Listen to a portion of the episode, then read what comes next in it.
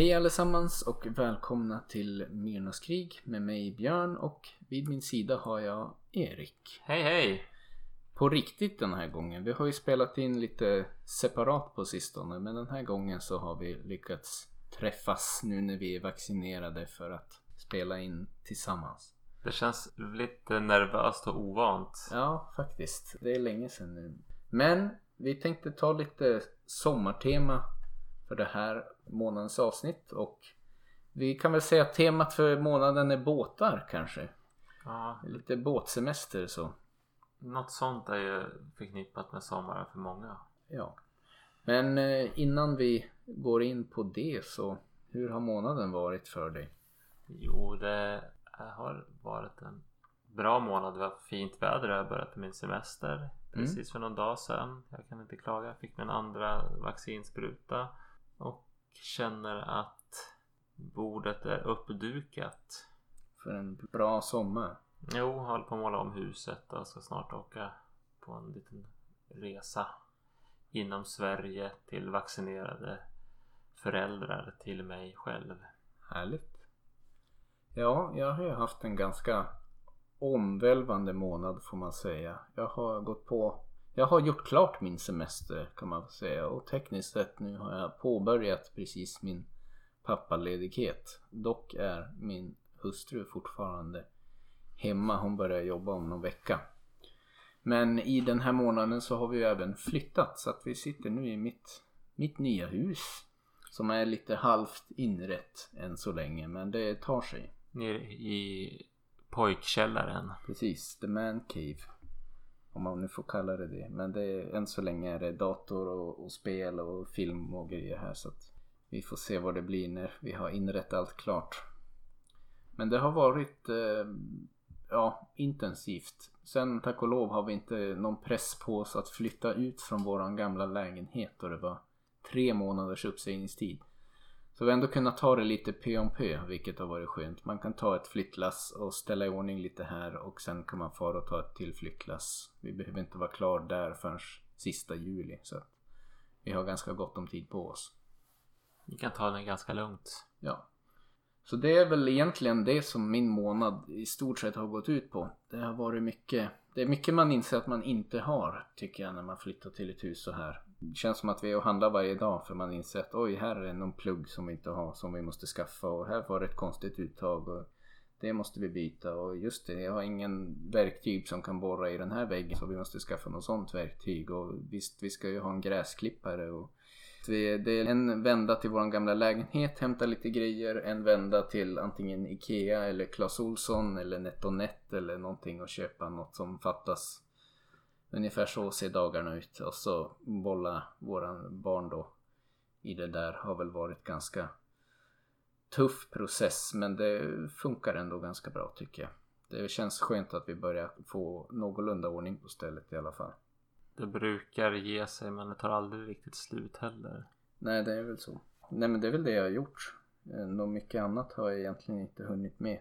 Vi har varit en liten sväng till min svärfar blir det då. Eller våran barn Gretas morfar och hälsa på.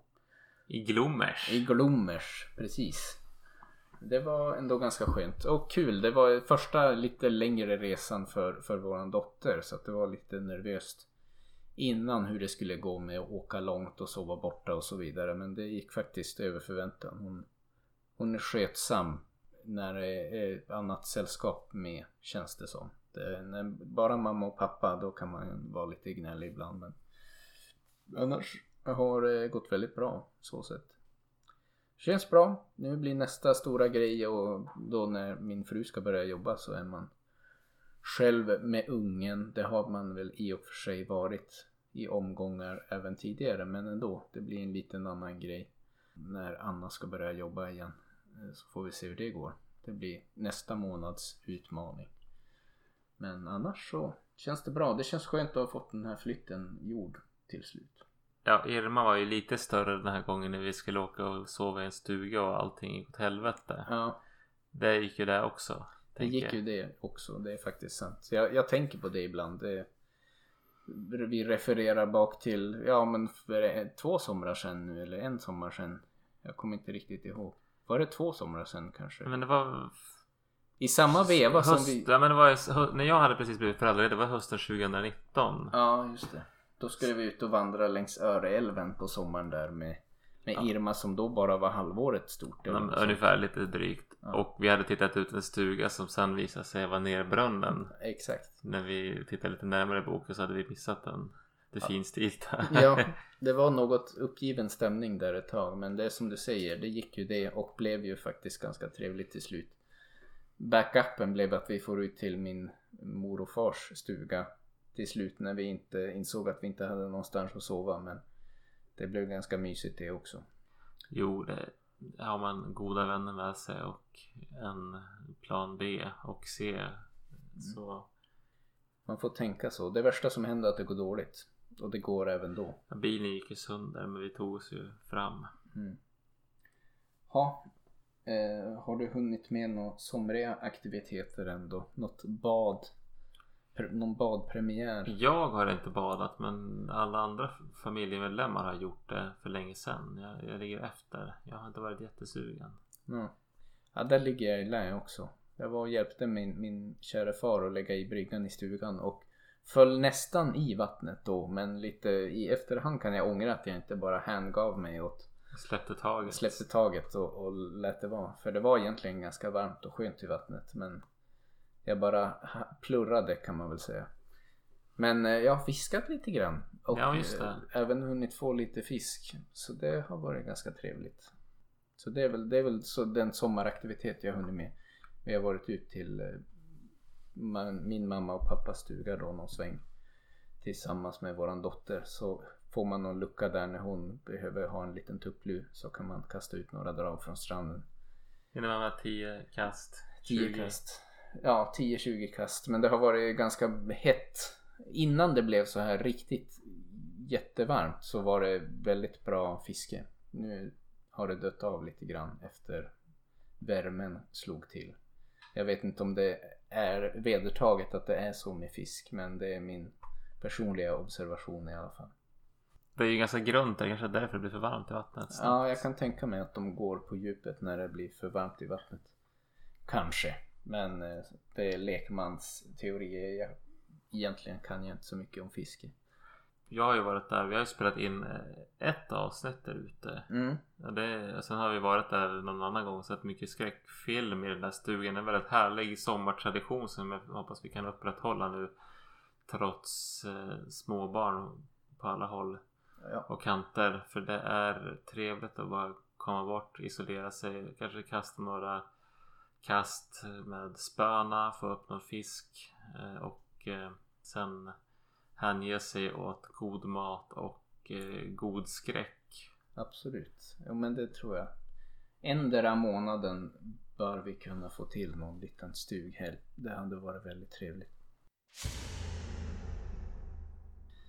Annars då? Hur har det varit på skräckfilmsfronten i månaden? Har du kunnat se någonting? Jo, jag har kunnat se ganska mycket. Sen så när jag satt, jag har satt och försökte komma ihåg vad jag har sett så har jag väldigt svårt att minnas Mm. exakt. Eh, Det är ju inte ett bra tecken. Men jag tycker ändå att jag har haft en ganska bra månad skräckfilmsmässigt. Sen har jag sett annat också. Jag såg ju, jag tog mig igenom den alldeles för långa och alldeles för dåliga Army of the Dead. Mm. Som går på Netflix och är lite av en snackis. Eh, Jag vet inte om jag har pratat om det i podden men jag har, jag har som en liten fundering eller spaning eller vad man ska säga runt Netflix. Nu kommer jag inte ihåg vad eh, regissören till A Marriage Story heter. Men han gjorde A Squid and the Whale som också var ett skilsmässodrama. Mm. Sen fick ju Martin Scorsese göra The Irishman. Mm. Som är typ en gangsteraktig film om facket. Och sen har jag nu sett Army of the Dead som är gjord av Zack Snyder som gjorde Dawn of the Dead-remaken 2004. Och det känns lite grann som att Netflix affärsidé är vi ger en säck med pengar till de här regissörerna så kan de göra det de en gång har gjort succé med. Ja. Så det blir lite grann därefter att det blir lite andefattigt stundtals. Jag tycker The Irishman var inte dålig. Den var okej okay, men det var som inget nytt. Mm. A Marriage Story tycker jag, ja men det var bra skådespeleri, en intressant historia. Men ja, inte så himla speciell den heller egentligen. Och Army of the Dead är som en blandning mellan Oceans Eleven eh, valfri zombieapokalypsfilm och eh, Aliens. Och man gör det uselt. Ja. Jag tyckte den var jätteseg och var jättekonstig med tonläget ena stunden när den som en rolig heistfilm. Mm. Andra stunden är det melodramatiskt någonting. Jag hade ju det som en av de filmerna jag skulle hålla span på när vi gjorde vår nyårssammanfattning. Men efter att ha sett trailern tappade jag sugen helt faktiskt. Och än mer så efter jag har hört du prata lite grann om den. Så att den kommer upp i mitt flöde nu och då men jag har inte klickat på den ännu. Gör inte det. Den som, det fångades inte upp av mikrofonen men jag skakade på huvudet. Mm. Nej men det, att de stoppar in en gravid strippar zombie och som har barn med en mantelbeklädd alfa-zombie. Och det är så mycket de ska få in där och inte avsluta. Det, det är hafsigt gjort. Och det, det, och det är det här som jag, jag får som verkligen känslan av att men nu får du pengar att göra en film, gör någonting. Och så är de kanske inte så himla egentligen så himla inspirerade när de gör det. Det blir lite fattigt. Det jag har upplevt som ofta guldkorn eller vad man ska säga positiva filmupplevelser på Netflix är mer ofta när de kastar pengar för att slå sig in på någon internationell marknad. Att de, ja men en del av de liksom internationella Netflix-produktionerna tycker jag har varit ganska bra. Jag har sett några indiska skräckrullar där som eh, ändå är en Netflix-produktion men som jag ändå tyckte var okej, okay, det här var ganska intressant. De gjorde den här tyska lite mystery horror tv-serien Dark som jag tyckte var rätt bra. Att det är mer när de rör sig utanför det här riktiga blockbuster-grejerna som jag tycker har varit ofta mer bra. Eller mer okända filmer som de köper upp. Ja men precis som indiefilmer som de hugger på. Mm. Som kanske redan är gjorda men så har de ändå bra En del av inköparna har bra fingerspetsgefühl. Ja. En del är skit också men de har ändå en del guldkorn tycker jag. Ja. Sen skulle jag fortfarande efterfråga en bättre sökfunktion på Netflix.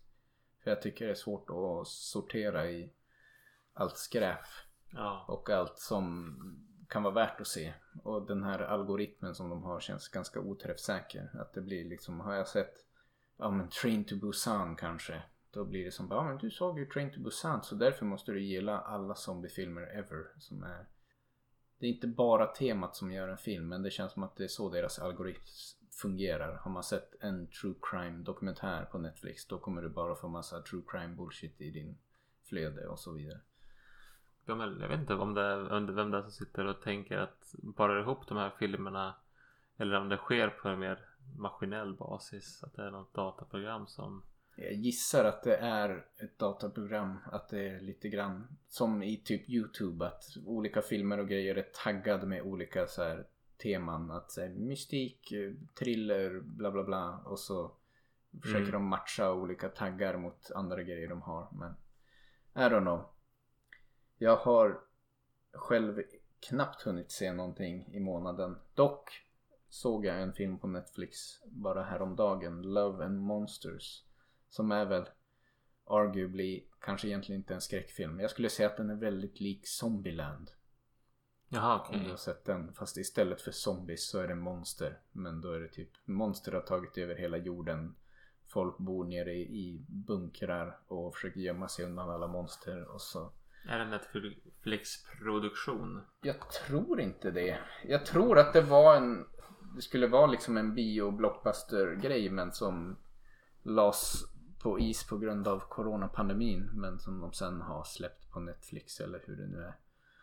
Men den var väldigt lik eh, Zombieland. Den är väldigt mycket så här tongue in cheek. Huvudrollen är någon kille då som ska leta kärleken. Det är någon tjej han kommer i kontakt med i en annan bunker som han ska ta sig till och så måste han ut och vara tuff och klara sig mot alla monster. Och typ exakt som i Zombieland så har han en sån här en liten guide som han skriver för hur man ska överleva i apokalypsen. Som är typ exakt likadant och, och det fungerar lite som ett expositionsverktyg. Där man, han har den här berättarrösten och man ser hur han kladdar i sitt anteckningsblock. Jag har för mig att det var något liknande i Zombieland där. Johan har väl sett de reglerna för att överleva. Mm.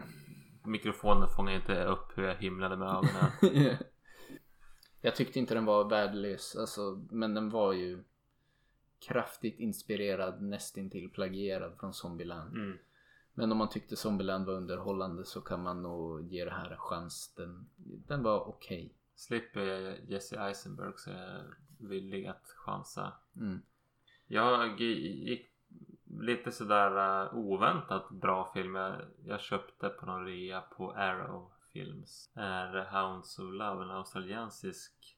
Den är klassad som skräck men är absolut mer, lutar mer åt thriller-hållet. Okay. Det handlar om, ja jag vet inte riktigt vem det handlar om men det är som ett eh, kammardrama mellan, det är två, ett par som är seriemördare som eh, kidnappar unga kvinnor mm. och sen under en, ett, ett fåtal dagar utför ja, men, tortyr och våldtäkter och sen när det är dags att avsluta det så dödar de dem på kroppen. De har det som ett väldigt ja. utarbetat modus operandi eller vad man ska säga. Man, får, man fattar det här ganska tidigt i filmen att det är så här går till för man får följa när de gör det på en person. Mm. Eh, och eh, sen så är den här huvudprotagonisten som vi får följa väldigt mycket blir kidnappad av de här. Och så får man liksom följa det här eh, relationen mellan det här paret då, den man och en kvinna som har fångat henne. Hur de, den dynamiken är, hur de karaktärerna utvecklas och den plus den här eh, unga kvinnan då. Eller, ja, hon är väl tonåring. Ja. Försöker göra allt för att ta sig därifrån och det är ett jävligt rafflande och eh, den är på många sätt en skräckfilm men den är väldigt gör många bra val i att inte exploatera på våld och eh, sex som Mm. man skulle kunna göra på det här temat. Men den, jag satt liksom på nålar stora delar av filmen. Det, det, var, det svängde hit och dit och det var En rekommendation. Ja absolut, den var oväntat bra.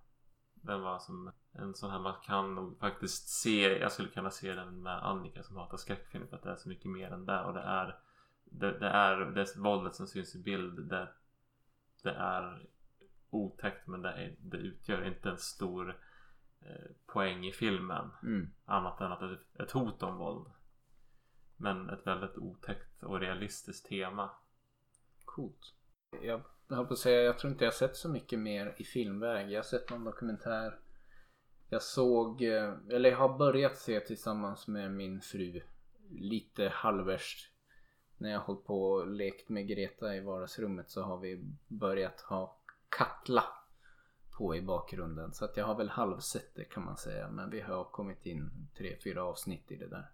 Som är ju också någon ny Netflix-serie men isländsk. Som är väl lite mystik horroraktigt maybe. Fast jag vet inte riktigt. The jury's still out. Vi får se när man har sett klart det om det är något värt att ha. Men det är väl Katla-vulkanen som har ett väldigt omfattande utbrott som pågår då under väldigt lång tid som gör att den här staden Vik eh, blir, som ligger vid Katla-vulkanen blir helt isolerad i princip på grund av all aska och allt som blir. Så att eh, de flesta evakueras därifrån och de som blir kvar är lite ensamma kvar där. Och sen börjar folk som för länge sedan försvunnit eller på annat sätt, eh, ja, man har trott varit döda börja dyka upp igen i askan. Det är väl typ så långt det har hunnit spinnas. Men vi får se lite, det beror på vad de gör med det sen. Så jag lämnar ingen recension på det. Men det, det är väl det. Vi får återkomma till det senare i sommar kanske. Ja, precis. Hade du någon annan film du hade sett som du ville, ville nämna? Det är väl egentligen ingenting som jag vill ta upp som skriker i mig. Nej. Men då kanske vi ska hissa seglen och börja lotsa oss in mot månadens filmer. Men för att komma i riktigt somrig stämning här så har jag tagit med mig lite öl från Örebro brygghus. Vi har precis avnjutit Fruit Quake. En bitter men väldigt fruktig historia. Ja, klart godkänd. Suröl med mycket, ja men det är en ananas och lite citroner och mango på kanske. Och eh, den är ju slut. Så här tänkte jag att vi kan ta och öppna Mango Riot Sour Beer från Örebro brygghus. Den också. Go for it.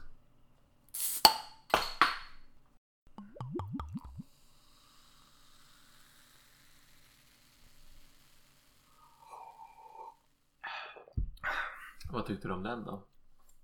Jag vill nog ändå säga strået vassare. Den var väldigt eh, mild och god.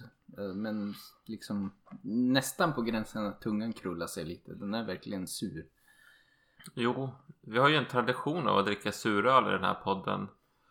Första nyårsavsnittet när vi pratade om eh, 10-talet så spelade vi ut en massa körsbärskrik suröl. I det här tangentbordet som vi fortfarande använder. Ja, ja, men då var det ju bara vad heter det, gottgörande. Ja, eller hur? Har du någon bra feeling för just segel eller båtskräck så här? Vad, vad tycker du? Har du några bra tips innan vi ger oss in på kvällens nummer? Jag har försökt tänka efter. Eh, vi nämnde ju lite grann innan vi pratade upp oss. Ghost Ship är väl kanske den självklara. Men det är ju egentligen den här öppningsscenen som har präglat mig. Som jag minns väldigt väl i den filmen. Ja, det är den enda delen jag minns av filmen. Den enda annars jag minns av filmen är att den var ganska generisk och tråkig Ja. efter det. Men öppningsscenen var ban... Det var väldigt... För sin tid var det väldigt bra. Ja. Det har väl inte åldrats helt väl men det är värt att kolla på Youtube. Sen eh, i efterhand en film som jag blev lite sugen på att se. Det var min far som nämnde när jag sa att vi skulle ha båttema. Och så började han. Ja men då har ni väl sett den här filmen när de plockar upp någon gubbe som har förlist. Som sen visar sig vara en mördare som var. Det lät typ som att det var exakt storyn till The Hitcher fast på båt. Vad heter den? Ingen aning. Och han, min far visste ju inte det naturligtvis heller. Men han sa som att det, det är självklart att när jag tittar på den då. Jag som bara, eh, ja. Ja men vad tusan heter den då? Det lät ju spännande. Det lät lite spännande faktiskt. Men ja, om det är någon som äh, vet så får de gärna meddela oss. Så kanske vi spanar in det till något framtida. Sen finns det någon Hitchcock-film som heter Lifeboat. Det är någon, någon ja men där har hamnat, har hamnat en livbåt som tar, plockar de upp någon tysk. Och så är det en massa turer fram och tillbaka. Mm. Som jag såg när jag var föräldraledig med Irma så jag har lite svårt att minnas allting där i. Sen har vi ju redan i ett sommaravsnitt för två år sedan snackat om Hajen. Den som man ju inte glömma i det här sammanhanget. Det är ju en väldigt stor del av den som utspelar sig på en båt. Absolut. Den är ju förbannat bra också. Men den är, ja, till hälften strand, till hälften båt kanske ungefär. Mm. Men jag tror att eh, båtar gör sig ibland bra på skräck. För det ger en sårbarhet när man möter, när man är ute på havet. Jag är rädd för vatten, för öppet vatten. Ja, och jag tror också settingen så sett att man är isolerad och lite ja, svårt att få någon hjälp eller komma undan. Gör det till en bra setting för skräckfilm. Men det, det, jag, jag känner att jag, jag kan så rabbla flera stycken premisser här men jag kommer inte ihåg vad de heter. Mm. Six Feet Under är ju en tv-serie men det är något 47 någonting.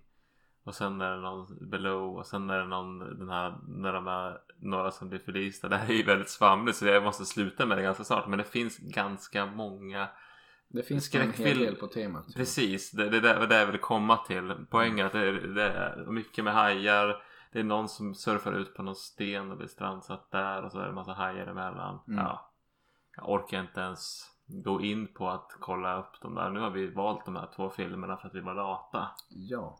Och vilka filmer har vi valt? Den första filmen är en som vi hittade på HBO Nordic som heter Donkey Punch. Mm, En brittisk från 2008. just det. Och den andra heter Triangle som jag också tror är en, i alla fall delvis en brittisk produktion som, sa jag Triangle? Triangle. ja. 2009. Mm. Men vi börjar med Donkey Punch. Vi börjar med Donkey Punch.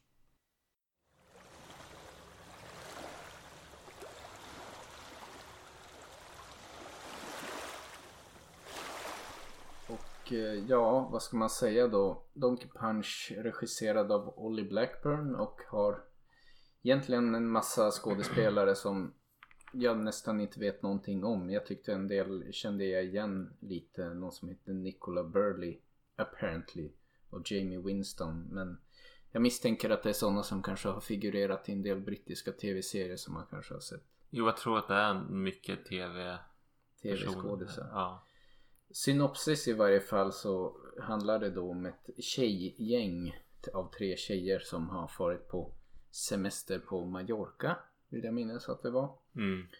Som någon sorts rebound för en av de här tjejerna som just har gått igenom en svårt eh, uppbrott från sin partner. Så ska de dit och festa och leva loppan och hej och hå. Och väl där så träffar de ett gäng andra killar som är besättning på en lyxjakt. Där de precis har som eh, blivit klara med någon kryssning så de som äger jakten är inte där. Ja. Och då tar de med de här tjejerna ut på havet för en kväll av festande och droger. Och sen blir det väl liksom mer alkohol och droger och de äggar igång varandra mer och mer och det slutar upp med någon sexlek som spårar ur eh, så pass illa att en av dem omkommer. Och det är väl ungefär där som skräck slash thrillerdelen av filmen tar vid. Ja, man kan väl säga att det, skräcken i det hela är att alla de här är väldigt oförberedda för hur de ska hantera den här situationen och paranoida och ingen vill riktigt ta skulden för det som har gått fel och det är där, där i, i thriller, spänningen, tension ligger. Det blir som en, att det eskalerar och blir våldsamt. För att man, det, det fattas massa dåliga beslut. Mm. Ja, och eh, ska vi ta S-bar-konceptet då? Ja. Eh, S är skräck-spänningsmomentet. Mm. Eh, och B är väl berättarkonsten i det hela. A är audiovisuellt och R är ungefär vad vi tycker. Är det en rekommendation? Eller inte. Det är så vi pratar om våra filmer. Det är den strukturen vi använder. Mm. Om man börjar med S då så får jag väl säga att ja, det finns väl en hel del spänning i filmen men egentligen inte så mycket skräck. Det var mycket mindre skräckfilm än jag hade kanske förväntat mig att det skulle vara. Det är ju något så lite off-screen dödsfall Mm. som är lite skräckigt och det är en del vassa saker som dras ur människokroppar så det är väl som ett body horror element i det där med mycket smärta. Ja. Men mycket av det som var det mer skräckiga då som var kanske mer då grafiskt våld om man säger så kändes ju filmen också väldigt malplacerat. Ja det är någon scen då när hon inte lyckas slå sönder ett, en ruta med hjälp av typ någon metallgrej hon hittar så då kommer hon på att hon måste kasta sig genom rutan istället. Och det kändes som också bara väldigt ologiskt och så här tjohornat in för att de skulle få ha en liten sån här otäck grafisk scen och hon ska sitta och plocka glas ur, Benet. ur benet. Det tillförde väldigt lite tyckte jag och kändes lite malplacerat i filmen. Det Sen var är- som att de pl- plockade in det för att det skulle bli en skräckfilm och inte bara en thriller. Ja men typ. Annars tyckte jag liksom thriller-elementen höll ändå ganska bra. Jag tyckte det var intressant ingång i det här att det i alla fall från början sen utvecklas det ju på andra sätt men det finns ingen så här super clear cut villain utan det som alla är bara i den här kaotiska situationen och ingen vet hur de ska ha- hantera det och där blir det väldigt mycket tension och spänning mellan dem. Plus att de är ute på en båt där det liksom inte finns något sätt att ta sig därifrån. Mm. Och vissa av karaktärerna har väl lite mer vana än andra. Alltså de som vi följer som är de här tjejerna de är ju väldigt utsatta. Mm. Ja, det är väl mer thriller än skräck helt enkelt. Thriller-elementen är ganska bra. Jag är hard pressed egentligen att kalla det här för en skräckfilm. Det är för att de har tjohornat in lite grafiskt våld som egentligen inte känns som att det behövs. Mm. Ja, men vi- vi kan ta B direkt då. För jag, tycker, jag håller med att det är inte så mycket mer skräck att prata om. Jag tycker ju om man ska prata om rent berättarelementen så tyckte jag att setupen här är egentligen ganska bra. Fast det tog inte den väg jag hade trott först. Men liksom hela idén bakom den här festande gruppen ungdomar som tar sig lite vatten över huvudet på semestern. Den setupen kändes ganska realistisk och eh, den kunde ta många vägar därifrån att de i princip hamnar på båten. Och jag, det tog inte den vägen jag hade trott. Jag var övertygad från början om att de här lite oseriösa killarna också att det är inte egentligen deras båt utan det kommer visa sig att de har snott den här båten av någon så ligger de andra mördade i maskinrummet. Ja, typ. Eller något sånt där. Eller att de har snott det av någon mafioso som kommer och jagar dem ute på havet sen. Och det, men det var inte alls det som hände. Men i alla fall, jag tyckte setupen var bra och de framställde det på ett sätt som gjorde att det kändes ganska verkligt. jo, det är som att det, det, är en bra upptrappning. För det börjar ju med att de ska gå ut på de går på någon klubb och det är liksom ganska bra klubbmusik som jag känner igen från mm. ungdomen, höll mm. jag på att säga. Gubbe som jag är. Men att de, ja, de börjar på en klubb där de gör lite hyss på klubben. De snor champagne från något bord. Mm. Att det, liksom, det blir som det där gränstänjandet. Och sen så Ja men ska vi inte åka iväg på den där jakten säger de besättningsmännen på den där jakten. Och mm. så är det som också så här, men det kanske vi inte kan göra säger tjejerna och de på jakten är ju inte heller helt säkra på vad de ska göra för de kan ju åka dit ja. för en dialog om att men det här kanske är lite dumt att vi spelar hög musik här. Mm. Vi kommer få sparken direkt när vi blir upptäckta bla bla bla. Det är ändå att de liksom sår in det här att det, alla är ute på lite djupt vatten, no pun intended, redan när de liksom går på båten och ska börja festa. Ja. Det kanske är en budgetfråga men det var inte så överpolerat som en del filmer kan vara utan det jag tyckte igenkänningsfaktorn var ändå relativt hög. Inte för att jag var ute och festade på någon lyxjakt men liksom allmänt så här lite fyllesemester. Någon sån har jag haft i min ungdom. Det var egentligen inget jätteintressant som sades när de festade. Utan det var, man hade det här lite utifrån perspektivet på en festande grupp som bara Egentligen är det ganska skabbigt på något vis.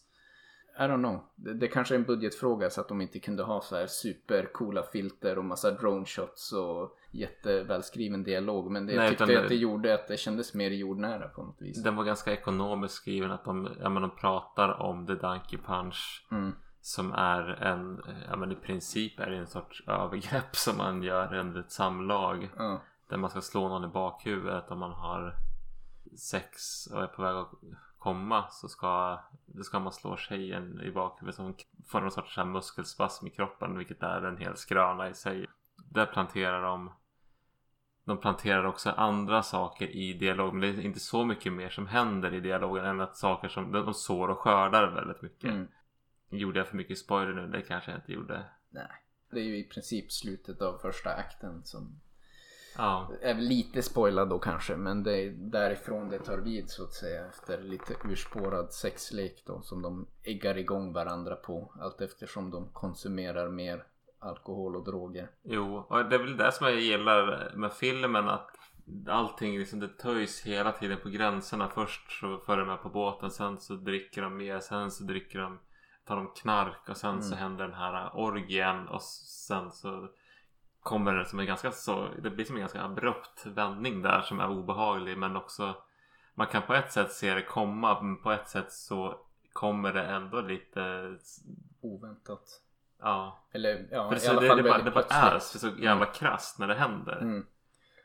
Jo, och sen är det ju mycket som kretsar kring att det är ju ingen i den här gruppen som är på något sätt förberedd för hur de ska hantera en sån här situation. Som också kändes ganska jordnära och realistiskt på något vis. Att och det är ingen som är den huvudskurken. Det är liksom inte en slashermördare som springer kring på båten. Utan Nej. folk är bara dumma i huvudet i, i största Fulla och neddrogade och samtidigt panikslagna och rädda. Och har väldigt mycket olika idéer om hur de ska hantera den här situationen på bästa sätt. Några vill åka tillbaka till land och försöka kalla dit kustbevakningen. Andra menar att de ska försöka bara göra sig av med liket så att ingen åker dit på något fängelsestraff för det här och där i uppstår väl mycket av konflikterna då och olika grupperingar som bildas på båten beroende på vad de hur de tycker att man ska hantera situationen och så. Jag vet inte om jag hade så mycket mer att säga på B. Nej. Det, inte jag heller. Det var inget som stack ut annars skådespelarmässigt eller Mm. så. Vi kan hoppa till A.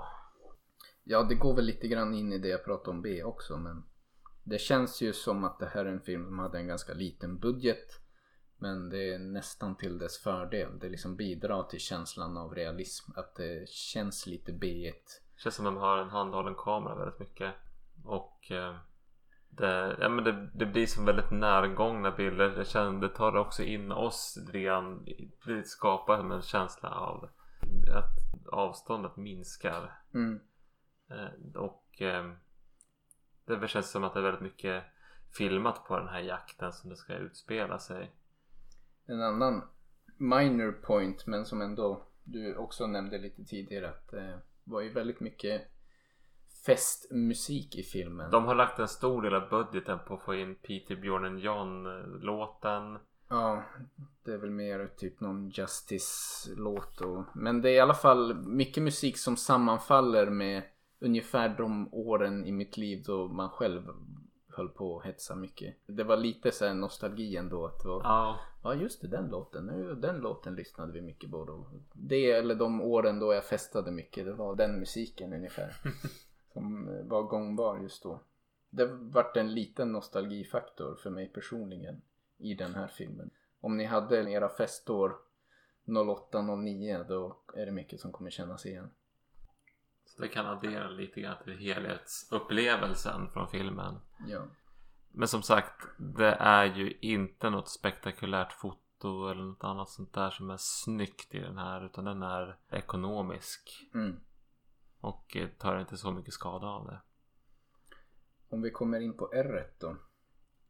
Jag tyckte ändå att det var ganska underhållande att se den här. Den här tycker jag väl ändå har lite orättvist lågt betyg på IMDB. Den är som en lågbudgetfilm där de är ändå, de gör det de kan och det de har.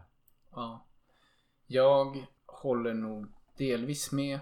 Jag tycker att lite grann den, det spårar ur lite på slutet där folk jag menar okej de är fulla och drogade så att man kanske inte ska begära att de ska bete sig rationellt men utifrån karaktären och så som de är så tycker det tar lite konstiga vändningar som jag tyckte var lite svårsmälta. Jo, det är väl att de, det, det, det är, ja, precis. Det är väl ett minus Mm. när du pratar om karaktären. Att det känns som att en karaktär i början av filmen känns väldigt tafflig och oskyldig. Sen förvandlas den till en kallhamrad beräknande psykopat Ja. i slutet på filmen på ett inte helt trovärdigt sätt. Nej. Och annars så tycker jag väl som du säger, det, filmen är okej. Mm. Jag är lite kluven där. Det var liksom att dialogen typ egentligen kändes realistisk utifrån vad en festande grupp unga vuxna skulle ha hetsa om när de var packade på semestern. Men det är ju inte särskilt intressant dialog egentligen att lyssna på. Man blir lite trött på dem. Ja, man Jag har blir- svårt, jag gillar egentligen inte någon av karaktärerna. Nej, det var ju som inte riktigt någon som man hejade på och det var kanske egentligen inte meningen heller. Eh, Jag tyckte konceptet var intressantare än Execution. Jag skulle vilja se något sånt här göras en gång till och lite bättre kanske. Men det var ändå okej. Det är en, en light rekommendation från min sida. Man kanske inte behöver slänga sig och prioritera det här framför allt annat i sommar. Men eh, den har fil, lite sommarfeeling och ja, jag hade inte jättetråkigt när jag såg den. Men det är inget mästerverk långt ifrån. Mm. Men då kanske vi lättar ankar och seglar vidare mot nästa destination.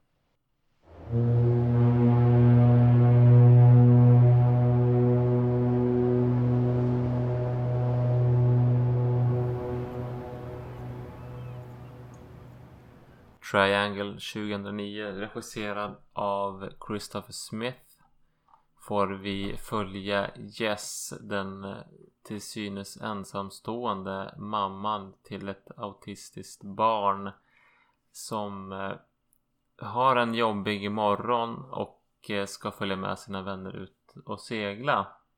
Mm. Men när hon kommer till segelbåten så är hon själv och det tycker de är lite skumt. Och när de seglar iväg så blir de som överraskade av en storm och eh, kapsejsar med båten. Deras räddning kommer en, en stor Atlantångare nästan. Som Mm. de kliver på. Och eh, det börjar hända mystiska saker och våldsamma saker. Mm. Det är väl inte så mycket mer än det. Och sen så får vi följa en eh, stackars fiskmås öde. ja, precis. Eh, ja, det kanske räcker så. Det är ett mysterium i den här filmen som man... Det är väl trevligt att få, få det utveckla sig. För Jag tänkte säga det. Det finns rätt... Filmen har storymässigt en del mer men det känns som en sån här film man ska vara lite försiktig med hur mycket man säger för att inte spoila för mycket. För spoilar man för mycket så är, är filmen ganska spoilad ändå. Men i alla fall, vi hoppar på våran S-bar för filmen helt enkelt tänker jag. Och börjar Ja. prata om S. På Hur S. vill de skrämmas i den här filmen? Ja, men det, det är ju ett, ett stort mystiskt spökskepp. Det, händer, det är rätt så kusligt när de Mm. går runt här. Folk börjar som dö av. Det är väl en del av skräcken. Och sen lite grann eh, spänningsskräck är vad är det här för plats de har hamnat på? Ja. Som titeln antyder så finns det ju ett större mysterium än att de är på ett skepp och folk blir dödade. Och för de som har förkovrat sig i myterna kring Bermuda-triangeln. Nu är de inte, tror jag, i Bermuda-triangeln men det anspelar väl lite grann. De utgår från Florida någonstans. Ja, Så Jag vet inte hur långt det är därifrån. Ja, just det. Jag har faktiskt dålig koll. Dock får jag säga som en liten side point när det kommer till spänningen och skrämseln i filmen så tycker jag ändå seglingsscenen innan när de drabbas av den här stormen är ganska bra. Det är ganska otäckt och känns legit liksom. De seglar på riktigt och det jag tyckte det, den delen är inte egentligen en så stor del av filmen men även det var ganska spännande. De hade gärna fått fightas runt där i stormen lite mer för min del. Ja, precis, de kantrar och båten vänds upp och ner och Heather försvinner ut genom till havs där Mm. och sen så kommer den här båten som de flyr till. Det är väl den här Atlantångaren som är liksom skrämselfaktorn som dyker upp sen i kölvattnet av stormen och jag ska väl inte säga plockar upp dem men de bordar det skeppet i alla fall som visar sig vara mer till synes övergivet men ändå är där på något vis utan någon som verkar styra det. Och de ska försöka lista ut, ja som du säger, vart, vart de egentligen har hamnat på för plats och varför båten är där den är Mm. och hur de ska ta sig till räddningen. Det känns som att vi trampar runt lite på äggskal här för att inte spoila för mycket men det finns ju ett större mysterium där helt enkelt i varför den här båten är här och hur den allt hänger fungerar. ihop. Ja. Ja. Så vi hoppar vidare till det tycker jag. ja, En av de stora sakerna som framkommer i filmen är just det här Vi nämnde den här autistiska sonen att det är en När en del av bitarna får på plats på slutet så blir det som en Rätt så bra eh, Allegori för Hur man känner ett föräldraskap, hur man vill ha det och sen så får man på något sätt ändrade perspektiv som gör att hela den, det där självbedrägeriet det bara faller platt. ja. Att man kan tappa tålamodet mot sina barn Mm, och inte är så bra förälder som man vill vara. precis. Och det tycker jag den, den här filmen gör snyggt och den gör det liksom en, på ett metaforiskt pratande eller vad man ska säga, det metaforiskt sätt berättar. Ja, Eh, det tycker jag väl är en av filmens styrkor, att den är ganska så smart. Jo, det är väl lite därhän de vill komma tycker jag i berättelsen. Det enda jag skulle säga är att de tar sig lite på gränsen lång tid att ta sig dit. Eh, man hamnar i något sorts berättarspår som de nöter på i ganska länge och det var precis innan de på något sätt kommer vidare till den sista akten så att säga så var jag nästan på väg att kasta upp händerna och, och säga att nu får det fan hända någonting. Jo, det är som att de, det är en viss grej med den här filmen som de vill förklara lite för mycket. Mm, Och då det, det tar udden av Eller det tar att det blir för lågt tempo. Lite. lite tråkigt. Men Inte, det är liksom Nästan. ingen, precis, det är ingen major point men det, ja det var på gränsen. Det var precis som jag sa, jag hann inte kasta upp händerna men jag var på väg att kasta upp händerna och ranta lite grann när de nötte på lite för länge där kände jag. Men de kom precis undan min rant. Men det är lite, lite travande ett tag tycker jag i, i berättandet och blir lite repetitivt. Men annars tycker jag ändå att det känns ganska helgjutet. Det är inte så mycket otäckt våld i filmen. Det är en del våld men de gör ingen poäng av det eller vad man ska säga. Ja, det är inte nagelhorror eller vad man ska säga den typen av bodyhorror där, där, där saker och ting gör väldigt ont. Mm. Nej. Dialogen tyckte jag väl kändes ganska bra. Hade jag skrivit. Det är ju lite så här att dialogen är ganska mycket ett verktyg för tittaren att kunna få lära sig mer om karaktärerna och ibland kanske inte dialogen känns helt naturlig så sett. Nej det var någon del av dialogen jag störde mig lite grann på att det är så här, nu är det bara tråkig exposition. De måste få de kunde inte göra det på ett bättre sätt än att göra det i en dialog. Det Mm. kändes lite slött men eh, det var några stycken det var så. Överlag inget stort problem. Nej. Ja, återigen är vi och trampar runt på äggskalen här. Berättelsen är väl liksom berättarstrukturen och manuset är väl filmens stora styrka. Men vi ska Mm. försöka ändå att lämna den här filmen relativt ospoilad. Ja men det är roligt att titta på den här och följa mysteriet och se hur det utvecklar sig. Den har intressanta twister längs vägen Mm. och de ska vi försöka undvika. Och de funkar förutom att det blir lite travande där någonstans mitt i då.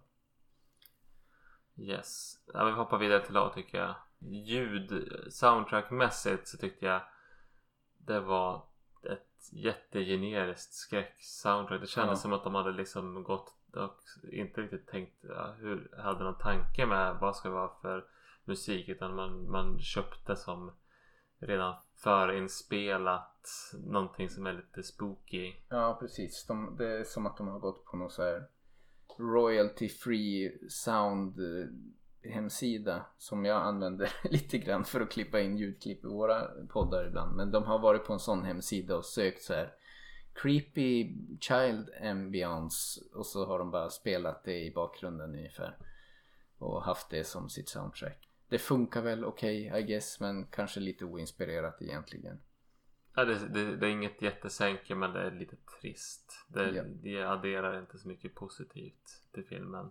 Annars tycker jag ändå att det är en bra creepy ambiance eller vad säger man på svenska? Ja. Stämning på den här ångbåten. Att det, Jo, det tycker jag väl är... det skulle Absolut. också kunna användas som en bra template för fler filmer än vad den här filmen visar sig vara. Men setupen där håller ändå. Jag liksom var ändå väldigt engagerad och intresserad för att få reda på vad, vad gör den här båten här och hur funkar allt och allt hänger ihop. Och jag tycker att det, bara att de vandrar runt på den här båten är ganska bra horror och spänning att få följa. På det visuella så... Det var ju bedrövligt. Jag tycker när de seglar i segelbåten Mm, då är det för det mesta bra. mm, Men eh, den här jäkla CGI-måsen. Idén, du sa ju där, du försvarade den lite grann att man ska ha en mås som liksom nu åker han från hamnen och sen så liksom är den som är med i övergången till det lite senare ja, på ett visuellt sätt. Det är en lite rolig idé men att ha en jättedåligt gjord datamås och sen så tycker jag hela det här spökskeppet det kändes som att man ser på den här dieselråttor och skeppsmusar eller vad fan den här julkalendern hette. Alltså det är som en sån Bolibompa CGI så emellanåt så jag, jag varit så väldigt så här. Den Mm. tog mig ur filmen. Jag, jag, jag kanske är för skeptisk. En del av specialeffekterna kändes som att de hade kunnat vara med i en cutscene från något skräckspel man körde Ja, 1999 ungefär. det kändes Som inte alls Väldigt, ja, autentiskt. märkligt. Eller det kändes i övrigt som att det här borde vara en film som har budget för att kunna klämma ut något lite mer på den fronten. Du kanske väldigt gärna ville, ville ha ett skepp som var anakronistiskt. Som var gammalt. Som Mm. liksom kändes från 30-talet. Mm. Har det här lite The Shining twistigt.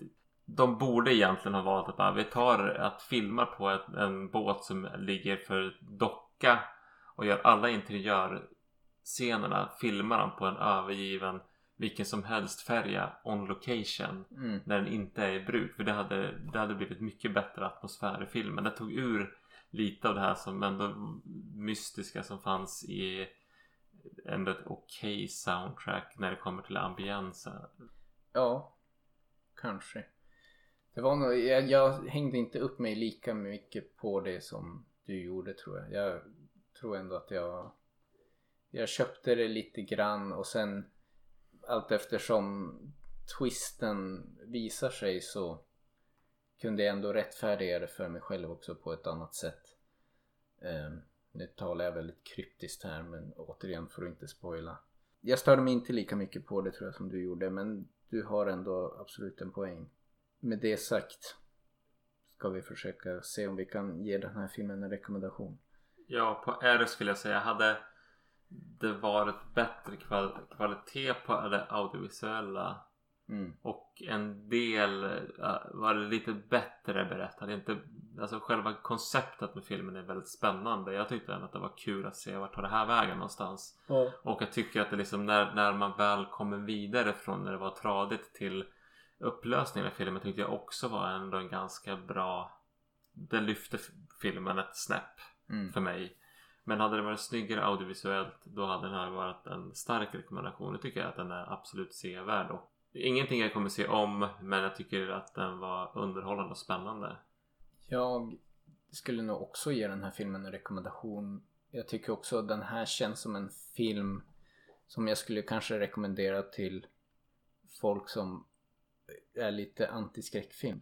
Det skulle kunna vara en bra inkörsport. Där det är också en film som har lite, den försöker inte bara skrämmas utan ha en liten högre ambition i att berätta någonting mer intressant och lyckas någorlunda bra med det. Mm.